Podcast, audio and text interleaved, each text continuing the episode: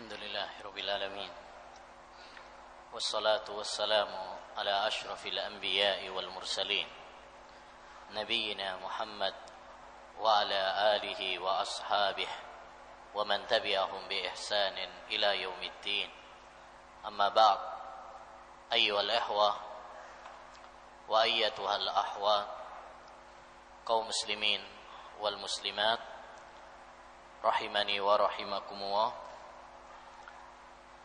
Alhamdulillah kita bisa melanjutkan kembali kajian kita pada kitab Al-Aqidah At-Tahawiyah karya Al-Imam Abu Ja'far At-Tahawi rahimahullahu taala kita sampai pada pembahasan perincian hal-hal yang berkaitan tentang hari akhir. Kata Al-Imam At-Tahawi rahimahullah, "Wa nu'minu bil ba'thi wa jazaa'il a'mali yaumal qiyamah." Dan kami beriman kami yaitu ahlu sunnah wal jamaah beriman meyakini bil ba'th dengan adanya al ba'th yaitu dibangkitkannya makhluk dari kematian mereka dari alam kubur mereka. Wa jazail a'mali yaumal qiyamah. Dan balasan amal perbuatan besok pada hari kiamat. Yakni semua amal perbuatan umat manusia dan jin di muka bumi ini akan dibalas oleh Allah Subhanahu wa taala. Yang beramal kebajikan akan mendapatkan ganjaran dan nikmat. Dan yang beramal kekufuran dan kemaksiatan akan mendapatkan ya uh, siksaan yang setimbang. Wa jazail a'mali yaumal qiyamah dan balasan amal perbuatan pada hari kiamat kelak. Wal ardi wal hisab dipaparkannya amal catatan kepada umat manusia. Wal hisab dan pembalasan dari amal-amal perbuatan umat manusia. Wa qiraatil kitab dan kita juga beriman dengan qiraatul kitab. Manusia akan membaca tulisan catatan amal perbuatannya masing-masing. Wa thawabi wal iqab dan kita beriman adanya pahala dan iqab siksaan. Wasirati wal mizan dan kita pun beriman dengan as-sirat, jembatan wal mizan dan timbangan di hari akhir. Al-Imam At-Tahawi ayyuhal rahimani wa rahimakumullah pada paragraf ini ingin menjelaskan kepada kita beberapa permasalahan yang berkaitan tentang akidah Ahlussunnah wal Jamaah seputar hari akhir. Eh, seputar hari akhir, hal-hal yang terjadi setelah kematian. Dan ini pas karena pada pertemuan yang lalu atau pertemuan sebelumnya Al-Imam Tahawi membahas tentang masalah adabul qabr dan fitnatul qabr. Dan pada kesempatan ini beliau menyampaikan kepada kita, menjelaskan kepada kita hal-hal yang berkaitan apa yang terjadi setelah kematian. Ya. Apa yang terjadi setelah kematian yang merupakan akidah Ahlussunnah wal Jamaah berupa hari kebangkitan, hari pembalasan, kemudian uh, ikob, siksaan, pahala, sirot, timbangan, jembatan dan sebagainya. Hal ini akan dibahas. Dan ini ayo ikhwah termasuk bagian rukun iman kepada hari akhir yang merupakan salah satu pilar dan landasan ya agama seorang hamba. Tidak sah iman seorang hamba ya di dunia ini sampai dia beriman kepada hari akhir. Dan tidak kokoh keimanan seseorang sampai dia beriman terhadap hari akhir. Karena makna iman kepada hari akhir adalah mengimani semua yang terjadi yang dikabarkan oleh Allah dan oleh Rasulullah SAW dalam hadis yang sahih. Ya, setelah kematian seseorang dan apa yang terjadi ya setelah kematian sampai surga dan neraka ini termasuk bagian dari iman kepada hari akhir.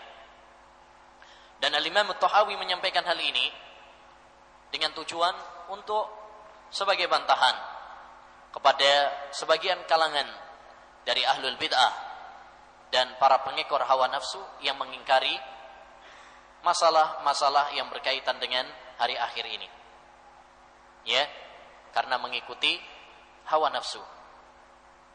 Oleh karenanya, ayyul ihwa yang perlu kita tanamkan pada diri kita dan kepada masyarakat kita bahwa masalah hari akhir ini termasuk masalah gaib.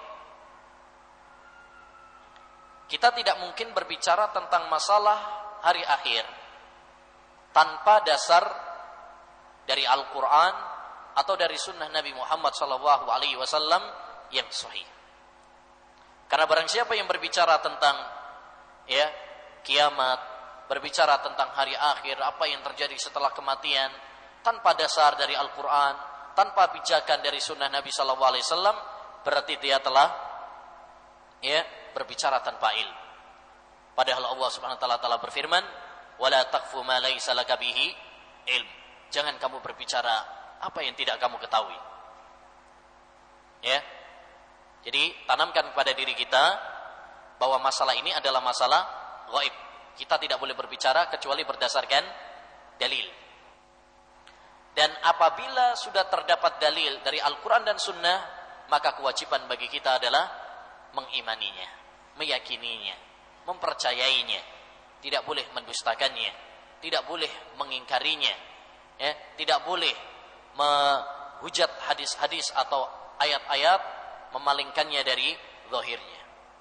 Ini mukaddimah ya e, sebelum kita masuk kepada perincian makna yang dikatakan oleh Imam At-Tahawi rahimahullahu taala.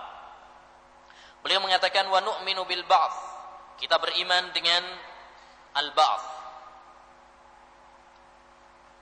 Al-Ba'ath yaitu hari kebangkitan. Ya, hari kebangkitan. yakni Allah Subhanahu wa taala akan membangkitkan orang-orang yang telah meninggal dunia besok pada hari kiamat. Sehingga Allah Subhanahu wa taala akan membalas amal perbuatan mereka. Sebagaimana Allah berfirman, "Kul bala wa rabbi latub'atsunna summa latunabba'unna bima amiltum wa dzalika 'ala Allahi yasir. Surat At-Taghabun ayat 7. Bahkan demi Robku, kalian pasti akan dibangkitkan. Kalian semuanya akan dibangkitkan dari kematian. Kemudian kalian akan dikabarkan kepada kalian tentang amal perbuatan kalian. Ya. Dan hal itu adalah sangat mudah bagi Allah Subhanahu wa taala. Taib, yang kedua wa jazail a'mal yaumal qiyamah kita beriman dengan jazaul a'mal, balasan. Apabila kita melakukan kebajikan, maka akan dibalas oleh Allah Subhanahu wa taala dengan ganjaran, dengan pahala. Dan apabila kita melakukan kejahatan, maka akan dibalas oleh Allah Subhanahu wa taala dengan siksaan. Ya. Allah Subhanahu wa taala berfirman dalam surat Al-Waqiah ayat 24, "Jazaa'an bima kanu ya'malun." itu adalah balasan dari apa yang mereka lakukan di dunia ini. Ya, apa yang mereka lakukan di dunia ini. Jazaa'am bima kanu ya'malun. Taib. Kemudian yang ketiga wal ard. Al ard. Ini dipaparkan. yakni tulisan-tulisan akan dipaparkan kepada Allah Subhanahu wa taala amal perbuatan manusia akan dipaparkan kepada Allah Subhanahu wa taala. Allah akan mengatakan kepada hamba, kamu dulu hari ini, tanggal ini melakukan begini dan begini. Kamu mengakuinya? Sebagaimana disebutkan dalam hadis. Amil tayawma kada wa kada wa kada wa amil tayawma kada wa kada wa kada fayakulu na'am dulu hari ini tanggal ini kamu melakukan begini-begini ngaku ya ini dipaparkan oleh Allah Subhanahu wa taala. Hal ini sebagaimana Allah berfirman dalam surat Al-Kahfi ayat 48 wa uridu ala rabbika saffa. Mereka akan dipaparkan kepada Rabbmu dengan berbaris-baris ya semuanya akan dipaparkan kepada Allah Subhanahu wa taala tentang amal perbuatannya catatannya. Wal hisab. Kemudian yang keempat adalah kita percaya adanya hisab yani Allah Subhanahu wa taala akan menghisab orang mukmin dengan hisab yang mudah dan menghisap orang kafir dan orang munafik dengan hisab yang sulit. Allah Subhanahu wa taala berfirman, "Wa huwa asraul hasibin." Dialah Allah Subhanahu wa taala yang maha cepat penghisapannya. Ya. Para ulama ahli tafsir mengatakan maksudnya Allah Subhanahu wa taala paling cepat dalam hisapnya yuhasibu jami'al khalaiki fi sa'ah. Allah akan menghisap semua makhluk dalam satu waktu. Dan itu bukan suatu hal yang sulit bagi Allah Subhanahu wa taala. Oleh karenanya sekali lagi jangan kita mustahilkan kemampuan Allah pernah dikatakan kepada uh, sahabat Ibnu Abbas radhiyallahu anhu Wahai Ibnu Abbas, apa mungkin Allah Subhanahu wa taala ya menghisap manusia dalam satu waktu? Ya. Orang dari awal Adam alaihissalam sampai nanti yang mati terakhir dihisap oleh Allah Subhanahu wa taala apa enggak terlalu lama bagi Allah Subhanahu wa taala untuk menghisap mereka? Apa enggak capek Allah Subhanahu wa taala? Apa kata Ibnu Abbas? sebagaimana Allah Subhanahu wa taala memberikan rizki kepada mereka sekaligus, maka bukan sesuatu yang sulit bagi Allah untuk menghisap mereka sekaligus. Sekarang ya, Fuan, kita di dunia ini berapa jumlahnya? Makhluk, manusia, jin, binatang. Apakah mustahil? Apakah berat bagi Allah taala untuk memberikan rizki kepada kita semuanya secara rata? Gak ada yang sulit. Maka demikian juga dalam masalah hisab Allah Subhanahu wa taala. Tidak ada yang sulit jika Allah Subhanahu wa taala ya melakukan hal itu. Wa qiraatil kitab, kemudian masalah yang kelima kita beriman dengan bacaan tulisan, catatan amal perbuatan masing-masing. Ya, catatan yang dicatat oleh malaikat-malaikat Allah Subhanahu wa taala tentang perbuatan kita selama di dunia ini akan dipaparkan kepada Allah Subhanahu wa taala dan kita pun akan membacanya. Ya. Iqra kitabaka kafa bi nafsika al-yawma 'alaika hasiba. Surat Al-Isra ayat 14. Bacalah. Bacalah catatanmu. Ya, baca. Dan itu cukup bagi kamu pada hari ini sebagai ya uh, koreksi, sebagai hisab untuk mengevaluasi amal kita masing-masing. Ya, ibarat orang kalau ibarat santri atau murid yaitu apa? Akhir tahun mendapatkan ya rapot.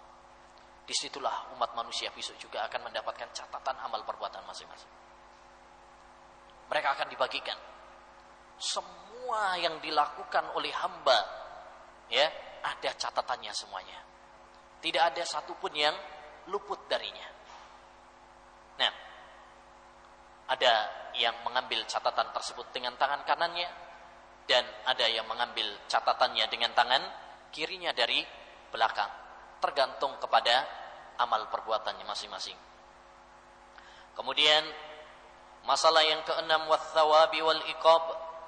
Kita juga percaya dengan ats-thawab, pahala dan siksaan setelah Allah hisab, setelah Allah paparkan ya catatan-catatan maka Allah SWT akan memberikan pahala jaza kepada orang yang beriman dengan nikmat surga dan Allah akan mengadab orang-orang yang ingkar orang-orang yang kafir dengan adab neraka ya demikian juga orang-orang yang maksiat kepada Allah SWT sesuai dengan kadar amalnya. Kemudian wasirat dan asirat. Apa yang disebut perlu dicatat bahwa apa yang disebutkan oleh Imam Tohawi di sini tidak tertib. Jadi ini nggak harus urut dari semuanya. Jadi Imam Tohawi menyampaikan begitu saja tanpa harus urut.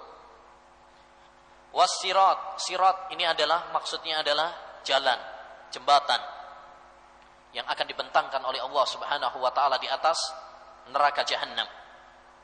Ya, yang akan dibentangkan oleh Allah Subhanahu wa taala juga antara surga dan neraka. Ya.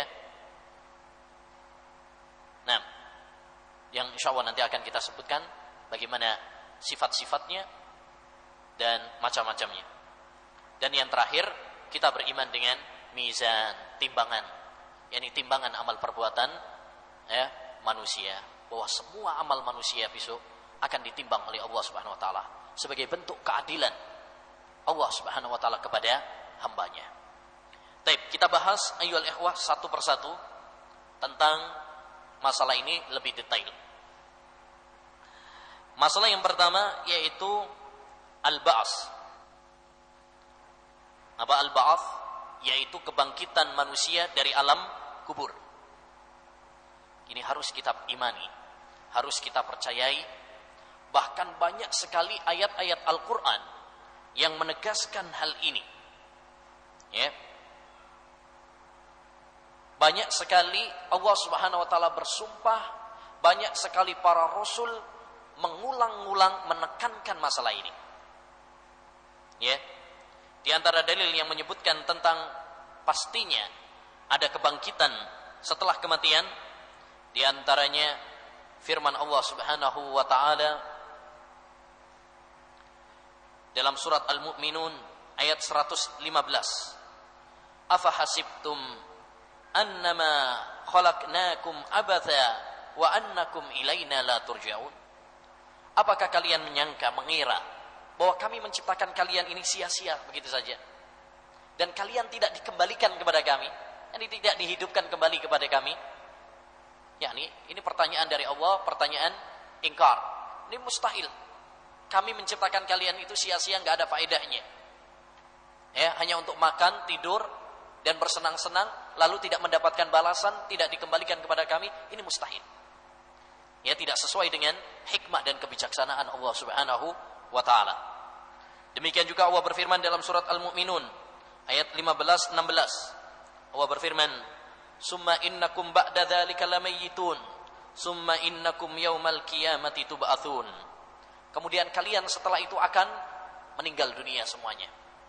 Dan kemudian kalian besok pada hari kiamat akan dibangkitkan. Ya.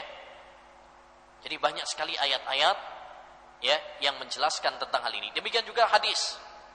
Rasulullah SAW pernah mengatakan yuhsarun nasu yaumal qiyamah hufatan hurla. Kata Nabi besok pada hari kiamat manusia akan dibangkitkan dalam keadaan khufat, telanjang. Hurla. Apa? ya tidak dihitan tidak pakai sandal ya seperti pertama kali Allah Subhanahu wa taala menciptakan kita semuanya jadi para nabi ayol ikhwa termasuk Nabi Muhammad SAW sering kali menekankan masalah al-ba'ath kenapa? karena al-ba'ath ini banyak diingkari oleh orang-orang kafir berbeda dengan masalah rububiyah nggak terlalu ditekankan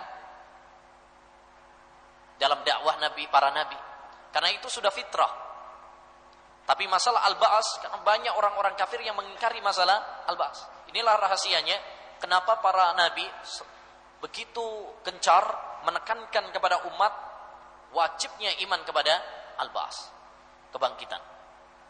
Nah, jadi dapat kita uh, rangkum bahwa dalil-dalil tentang adanya kebangkitan ini Pertama dari Al-Quran Allah subhanahu wa ta'ala berfirman pada surat At-Taghabun ayat 7 Za'ama alladhina kafaru an la yub'asu.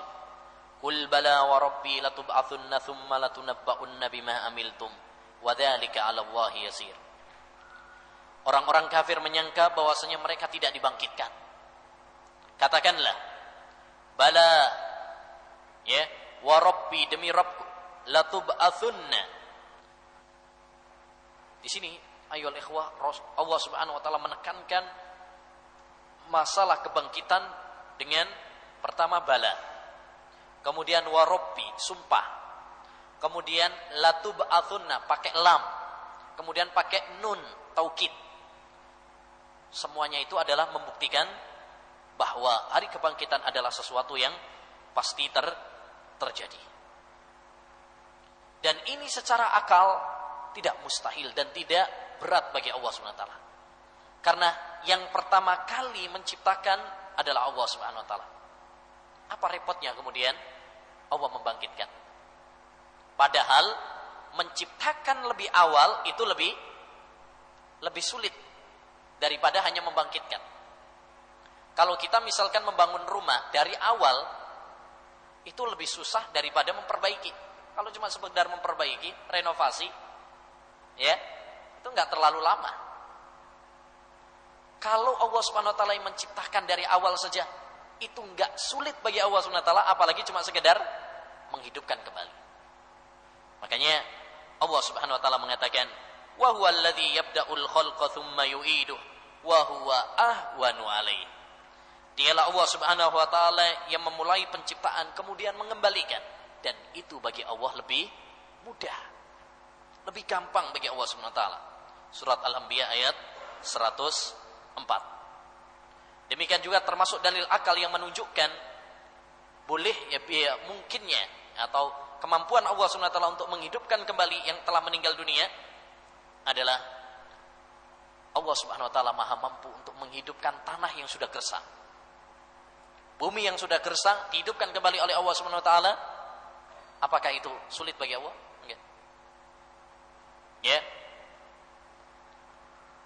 Kalau demikian, apa sulitnya kalau kemudian Allah Subhanahu wa taala menghidupkan orang yang telah meninggal dunia? Apa bedanya? Tanah yang tandus kemudian disuburkan oleh Allah dengan orang yang meninggal dunia lalu di dibangkitkan oleh Allah. Ya. Nah, oleh karenanya ayo ikhwah, siapa saja yang mengingkari hari kebangkitan, maka dia kafir. Karena dia telah mendustakan Al-Qur'an dan mendustakan hadis Nabi sallallahu alaihi wasallam. Ya. Dan ini secara tegas dalam ayat tadi, za'amal ladzina kafaru alla yub'atsu. Ya. Orang-orang kafir menyangka bahwasanya mereka tidak dibangkitkan.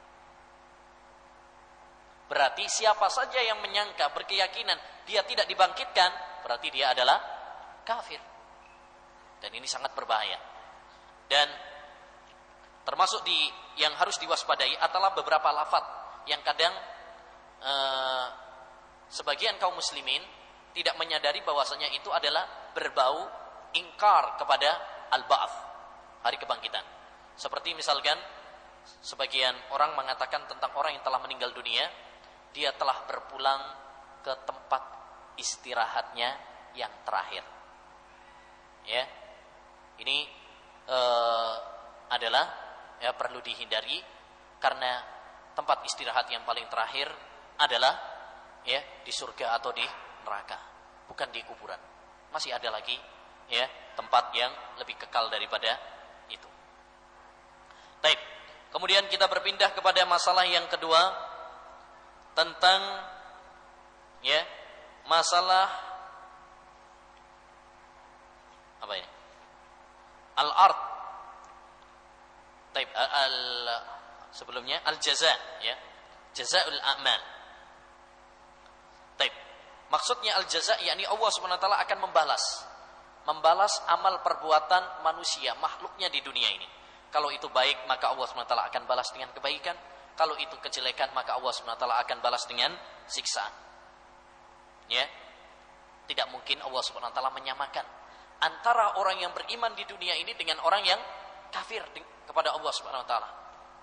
Allah berfirman dalam surat Al-Jasiyah ayat 21. Am hasibal ladzina istarahu sayyi'at an naj'alahum kalladzina amanu wa amilus solihat sawa'am mahyahum wa mamatuhum sa'a ma yahkumun.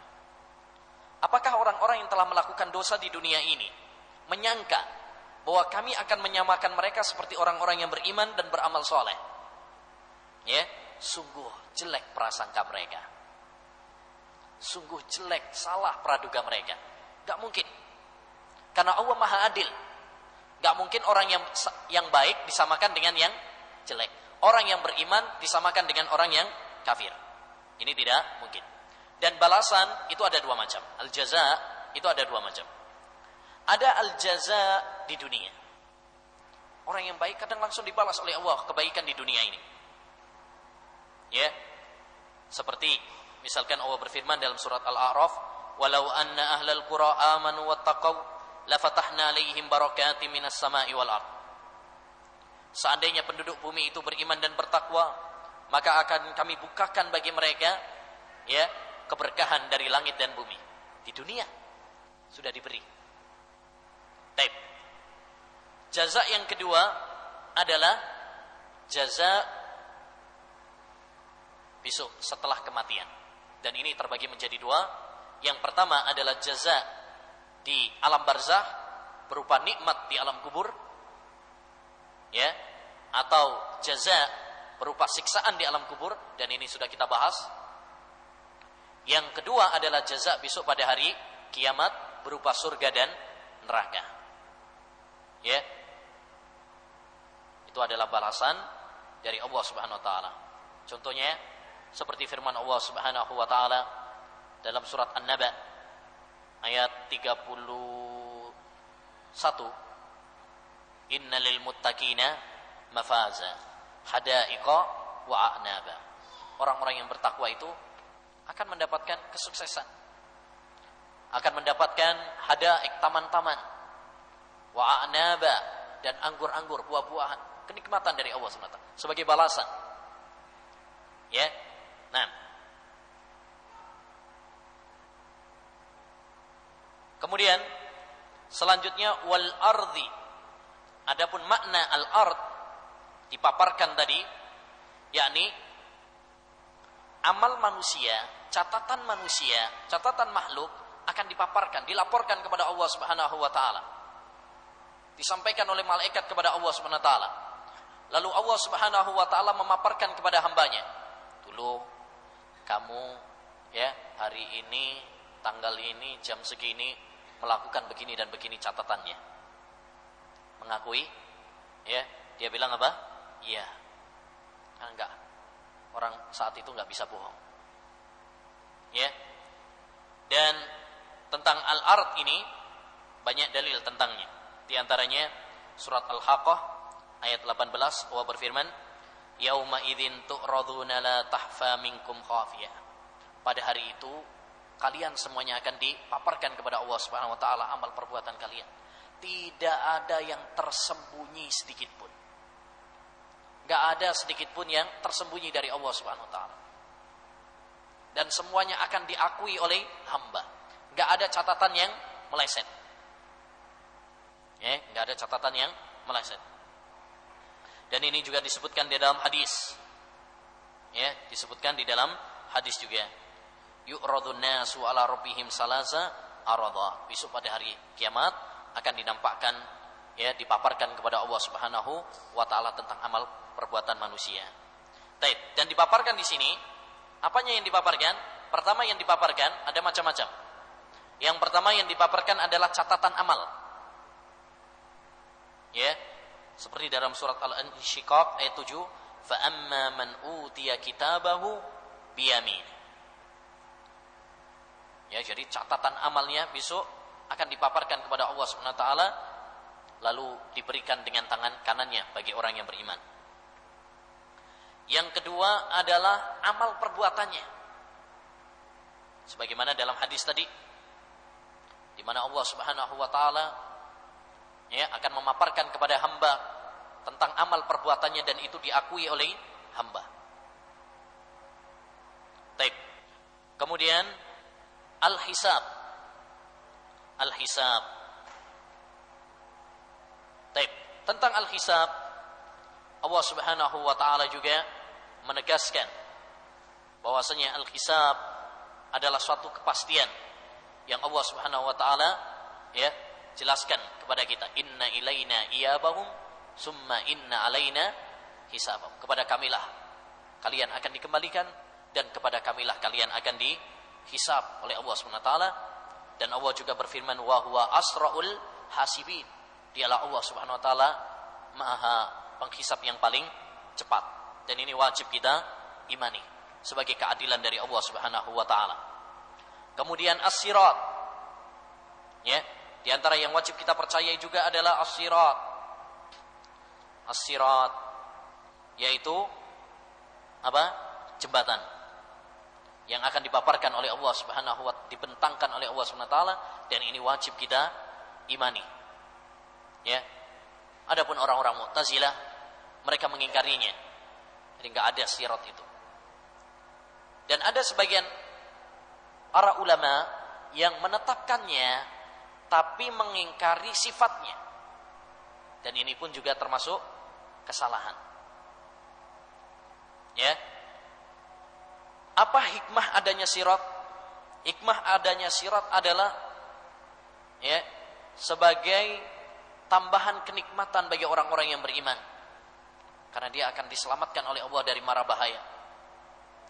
Dan ini tambahan adab bagi orang-orang kafir sehingga dia jatuh dari jembatan tersebut dan di antara hikmahnya juga adalah menunjukkan keadilan Allah Subhanahu wa taala di antara hambanya. Nah, adapun yang pertama kali melewati sirat ini ayo ihwah adalah ya, kalau dari kalangan para nabi adalah siapa yang pertama kali? Nabi Muhammad. Kalau umat siapa yang pertama kali? Umatnya Nabi Muhammad. Ya. Kalau dari kalangan para nabi, Nabi Muhammad yang pertama kali.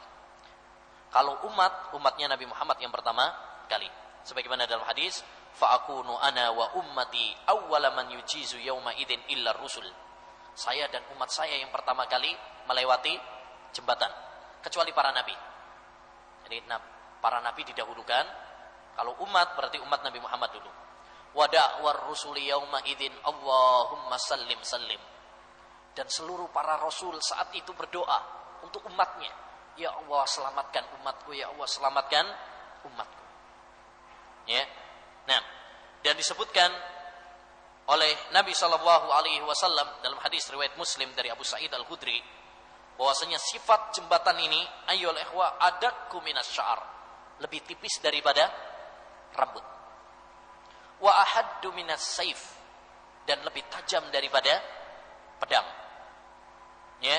Wa anna alaihi kalalib. Dan dia memiliki apa? Penggait-penggait. Yang akan menggait uh, orang-orang kafir ya sehingga jatuh dari jembatan. Nah,